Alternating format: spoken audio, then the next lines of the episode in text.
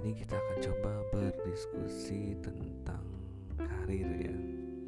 Banyak sekali orang berbicara tentang karir, karir. Kadang semua jenis pekerjaan juga dibilang karir gitu ya. Oh, ya sah-sah saja gitu ya, sah-sah saja orang mau mengatakan karir dan sebagainya. Bahkan untuk hal yang sifatnya negatif pun kadang-kadang disebut karir ya so orang laki-laki diduga profesinya adalah pencuri jadi pencuri juga adalah profesi ya oke okay. hmm. mari kita coba kaji ya, pelajari dan kita refleksikan tentang apa sih karir itu sebenarnya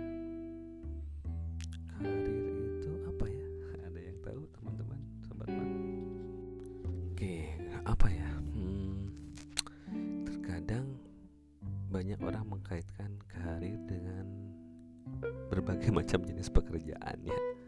Misalkan ah, kalau saya flashback ke tempat saya berkembang dulu ya di masa kecil di, di, di desa ada seorang tukang bakso. Mungkin orang-orang uh, yang seumuran saya atau orang di daerah saya pasti kenal. Ada Mas Lardi ya. Baksonya enak dari zaman saya kecil sampai sekarang. Baksonya masih tetap digemari oleh orang-orang di sana ya. apakah Mas Lardi dengan jualan baksonya bisa dikatakan karir atau contoh yang lain hmm, sekarang lagi tren uh, berderma ya sosial yang berupaya untuk membantu banyak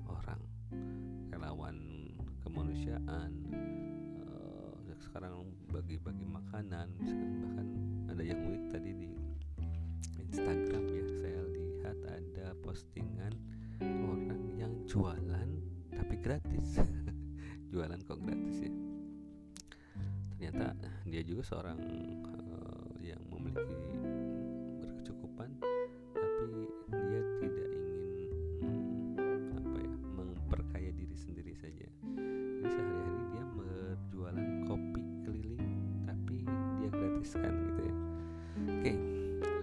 banyak sekali contoh di sekitar kita tentang ragam pekerjaan dan sering dikatakan itu adalah sebuah karir. Lalu sebenarnya karir itu apa gitu ya? Apakah semata-mata terkait dengan pekerjaan? Ada yang lain? Atau contoh nih ibu rumah tangga nih. Apakah ibu rumah tangga juga bisa dikatakan karir ya kalau bilang pekerjaannya banyak banget ya. Eh, banyak sekali sobat bab oke. Okay. uh, eh, jadi kalau ditilik secara umum gitu ya karir sangat sering di hubungkan sangat sering dikaitkan dengan berbagai macam jenis pekerjaan mau yang sifatnya politisi, pendidik, pedagang ya, kuli bangunan uh, tadi sampai hal-hal yang pokoknya ketika di situ ada unsur pekerjaan dan penghasilan nah bisa jadi di situ disebut karir gitu ya. Kadang-kadang ini yang menyebabkan makna karir hmm, ters jadi jadi tersamar gitu ya. Jadi tersamarkan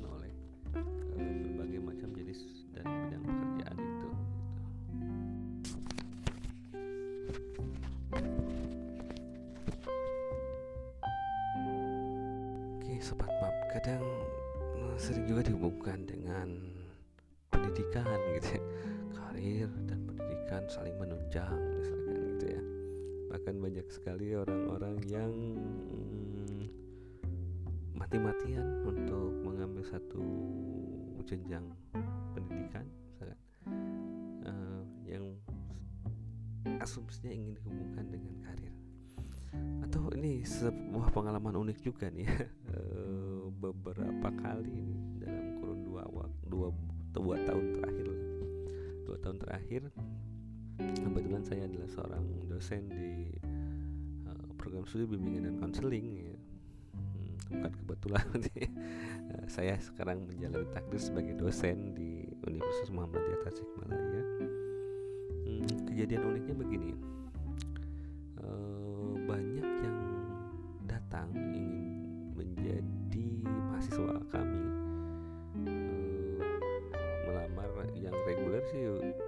apa normal-normal saja ya. Uh, dan alhamdulillah uh, animo masyarakat terhadap prodi bimbingan dan konseling di tempat kami uh, cukup tinggi ya. Tapi ada yang unik nih. Beberapa kali saya ditelepon bahkan ada yang datang ke kantor gitu ya uh, bertanya bapak bolehkah saya yang sudah selesai S1 untuk kuliah lagi di program studi bapak jawabannya kira-kira apa ya? Ya saya jawab boleh-boleh saja ya. Tidak ada larangan untuk seseorang yang sudah punya gelar S1, S2, S3 untuk lanjut lagi untuk mengkaji bidang studi yang lain. Itu sah-sah saja silahkan. Tapi menjadi sebuah pertanyaan gitu menjadi sebuah pertanyaan. Kemarin ketika dia kuliah di bidang studi tersebut orientasinya apa kenapa dia sampai memilih bidang studi itu lalu menjalaninya sampai tuntas sampai tamat? Tapi pada ujung-ujungnya dia ingin uh, beralih gitu ke program studi yang lain yang bahkan sangat jauh dari dari bidang studi awalnya gitu. Hmm, saya sering uh, saya menyampaikan begini silahkan bapak dan ibu yang mau masuk di program studi kami sangat uh, welcome. Tapi ada hal-hal yang perlu diperhatikan misal dari sisi kurikulum dari sisi uh, ketuntasan belajarnya mangga disesuaikan gitu. Karena biasanya yang ingin masuk uh, mengambil program studi uh, atau program S1 kedua inginnya cepat-cepat biasanya inginnya cepat-cepat ya ini juga permasalahannya apa fakta yang ada di lapangan yang waktu kita respon. Tapi poinnya adalah hmm, jangan-jangan uh, ada kesalahan memaknai karir dan bidang-bidang pekerjaan tentang dan syarat-syarat yang perlu dikuasainya. Oke. Okay. sobat map uh, setiap orang berhak sejahtera. Maka berlomba-lomba dalam begini ya. Karir itu sederhananya ya kalau menurut saya itu adalah terkait dengan uh, kebermaknaan ya. Terkait dengan kebermaknaan tentang apa? Tentang pilihan hidup tentang jalan kehidupan yang ditempuh. Artinya sejauh uh, pilihan-pilihan tersebut bermakna bagi dirinya dan juga mungkin akan bermakna untuk lingkungan terdekatnya lebih jauhnya lagi bermakna memberikan kebermanfaat untuk orang-orang yang lebih luas di sekitar dirinya maka itu bisa dikatakan sebagai karir sebagai esensi dari karir. Jadi uh, jadi hakikat karir adalah pilihan hidup yang bermakna ya dan ditekuni gitu bukan lompat-lompat ini tapi ditekuni secara totalitas. Ini ya secara totalitas dalam rentang waktu yang lama atau bahkan mungkin sepanjang hayat. Bagi saya seorang ibu rumah tangga itu adalah karir. Ketika si ibu memaknai apa yang dilakukan pengasuhan yang dilakukan uh, mengurus uh, suami dan anak-anak yang uh, ibu-ibu lakukan sebagai pilihan hidup sebagai sesuatu yang bermakna that is karir. Di dalam pemahaman saya. Mudah-mudahan itu juga nyambung dengan pemahaman sobat map semuanya ya. Jadi uh, karir ini adalah pilihan yang bermakna. Kalau pilihan yang bermakna proses untuk memilihnya harus dilakukan dengan kesungguhan ya, dengan kesungguhan ada daya juang di situ untuk memperolehnya untuk memperoleh persyaratannya mungkin untuk mengembangkan uh, sesuatu yang terkait di dalamnya gitu. sehingga hmm, memperoleh art, kedalaman arti atau kebermaknaan melakukan proses yang sungguh-sungguh gitu ya. Melakukan proses yang sungguh-sungguh. Bisa saja itu adalah bidang pekerjaan. Bisa saja itu adalah hobi. Bisa saja itu adalah uh, jalan yang diyakini gitu ya. Jadi secara uh, umum menurut saya itulah karir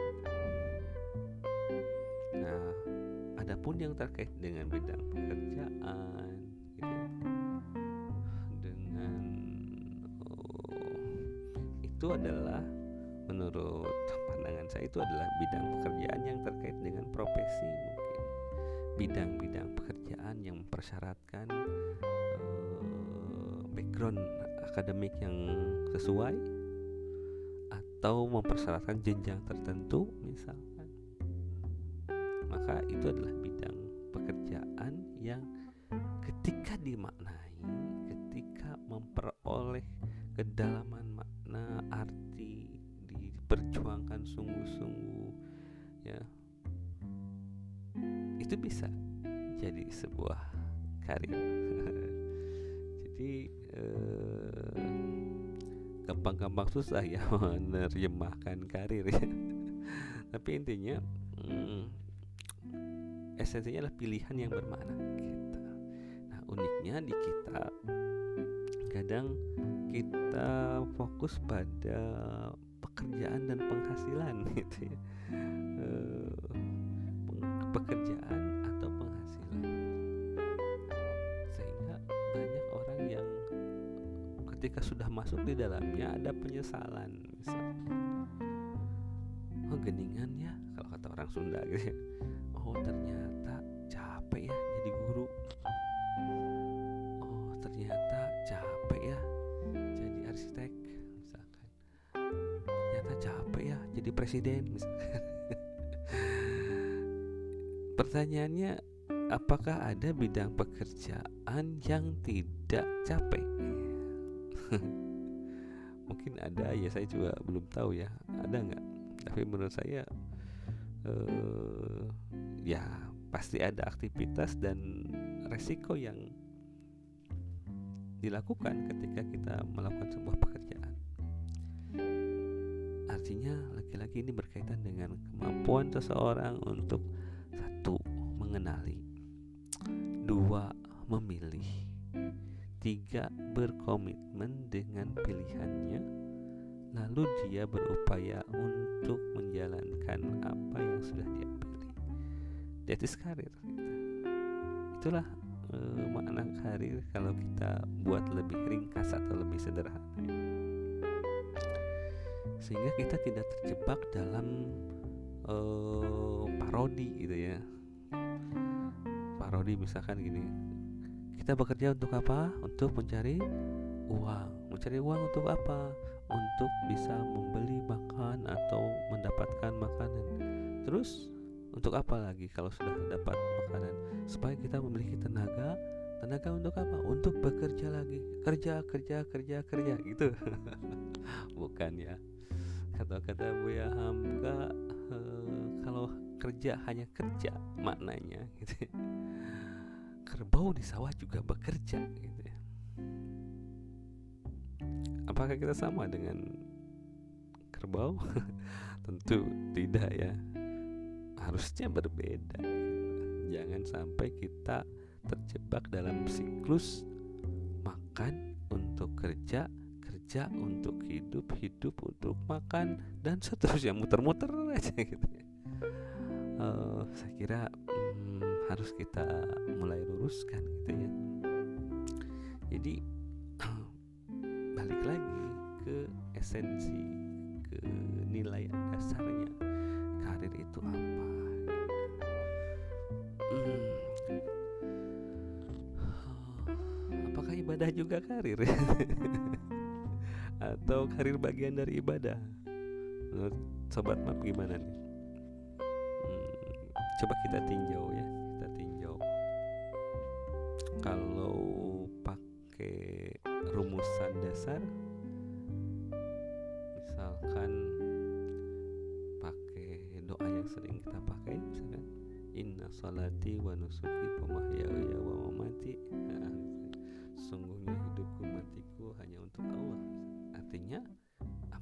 lakukan semua ini adalah untuk Allah. Dalam konteks ini adalah kita sedang beribadah misal.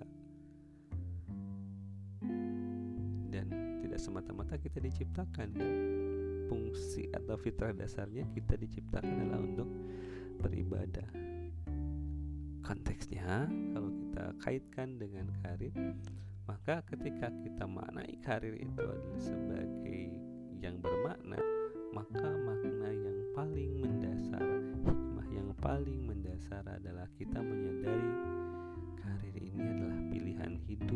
untuk kita beribadah, untuk kita bisa selalu mendekatkan diri pada yang menciptakan kita, yang maha memberi rezeki untuk kita semua, sehingga kita tidak terjebak dalam siklus kerbau atau monyet yang bekerja, ya, tapi manusia yang melakukan sesuatu, mencari makna, memaknai sesuatu sehingga nanti ukurnya bukan besar kecilnya penghasilan bukan e, berlimpahnya harta karena banyak istilah kesuksesan yang beracun.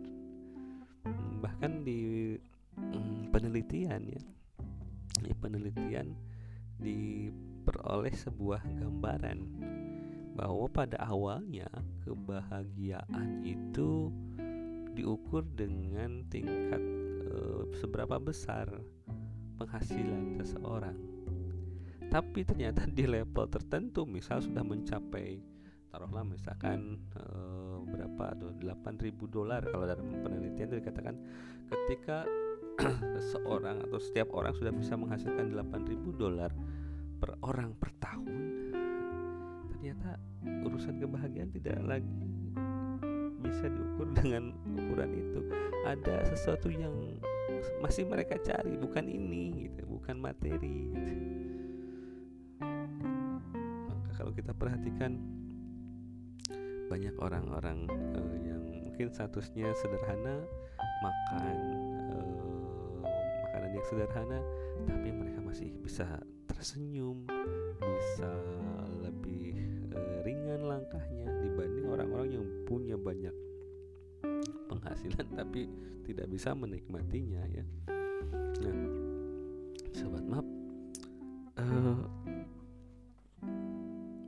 kalau karir hanya dimaknai sebagai pekerjaan dan pekerjaan berorientasi pada penghasilan sebetulnya kita perlu belajar lagi deh dari sebuah lagu yang hmm, hampir semua orang tahu kayaknya lagu cicak-cicak di dinding.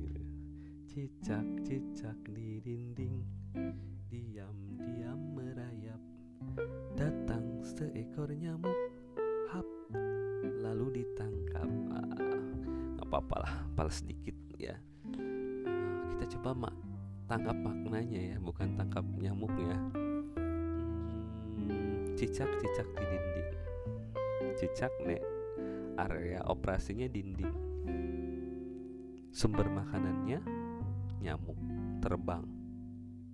Lebih luas jangkauan nyamuk.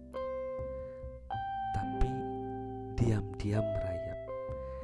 Dari mana itu? Naluri diam-diam merayap. Lalu hap bisa menangkap nyamuk. Kalau tidak ada yang mengatur kalau tidak ada yang mendorong saya kira itu tidak akan terjadi. Hal yang mustahil gitu ya. Kalau cicaknya bersayap ya masuk akal lah gitu. Tapi ini kan cicaknya nggak bersayap. Bahkan area operasinya juga terbatas. Nempel di dinding nempel di atap. Tapi mas mereka masih bisa makan belum ada penelitian atau sudah ada penelitiannya ada nggak sih golongan cicak-cicak pengemis gitu? Uh, saya kira eh, nggak uh, ada ya. Mereka tetap diam-diam merayap. Artinya ada ada ikhtiar yang dilakukan walaupun itu sifatnya instinktif karena memang secara hmm, fitrahnya begitu. Lalu fitrah manusia apa dalam memenuhi hajatnya memenuhi kehidupannya. Ya kembali ke keunggulan manusia ada di mana? Keunggulan manusia ada di kemampuan dia berpikir. Maka tadi kebermaknaan ketika tidak dikaitkan dengan kemampuan menghayati dengan pikiran yang bersih maka saya kira tidak akan nyampe ya hanya sampai pada ukuran rasional gitu. Ukuran logika. Dihitung secara matematik. Dihitung secara matematis. Saya dapat penghasilan satu juta sebulan. Dalam sehari ada 30 hari atau 29 hari misalkan. Dihitung rata-rata saya harus makan sehari berarti berapa hitung hitung hitung hitung hitung hitung hitung hitung. Stres. Banyak orang yang stres karena prinsip hidupnya matematis saja gitu. Tidak disandarkan pada prinsip-prinsip yang lain. Apa yang saya alami ketika merintis karir sebagai seorang pendidik sebagai seorang dosen itu ya diawali dengan mencari apa sih yang sesuai dengan diri saya gitu ya. apa yang bisa bermakna untuk diri saya saya sempat uh, setelah lulus S1 itu ngajar atau ikut bekerja di sekolah menengah di SMK ya. SMK tapi setelah dinikmati berupaya untuk menikmati menjalani dengan sungguh-sungguh ternyata ada makna yang tidak berhasil saya peroleh gitu. Atau belum merasa sesuai dengan keadaan diri saya dengan kemampuan saya coba mengeksplor yang lain alternatif alternatif yang lain. Dari sanalah menemukan ruang yang mungkin. Di situ saya menemukan jalan bahwa tempat saya mau mendapatkan kebermaknaan diri pilihan-pilihan itu adalah bekerja di bidang yang saya geluti saat ini. Sebagai seorang pendidik di perguruan tinggi. Oke, kawan-kawan sobat map menarik gitu ya kalau kita bicarakan karir dalam berbagai macam perspektif. Uh, tapi sebagai contoh lagi lah kita belajar membaca ayat-ayat di sekitar kita. Sering diceritakan atau dipercontohkan seorang induk burung mereka akan terbang di pagi hari dengan perut yang kosong mereka akan pergi ke mana pun insting mereka memandu di mana makanan itu ada. Dan mereka akan pulang dengan makanan yang mereka bawa. Ada keyakinan ya, insting mereka itu memandu ke makanan tersebut. Kalau kita bawa dengan naluri kita dengan akal kita siapa yang mengatur itu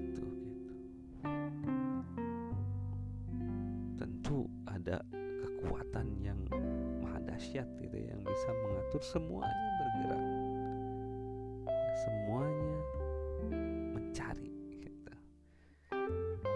sehingga perintah untuk kita dalam konteks karir dan bekerja adalah ikhtiar gitu.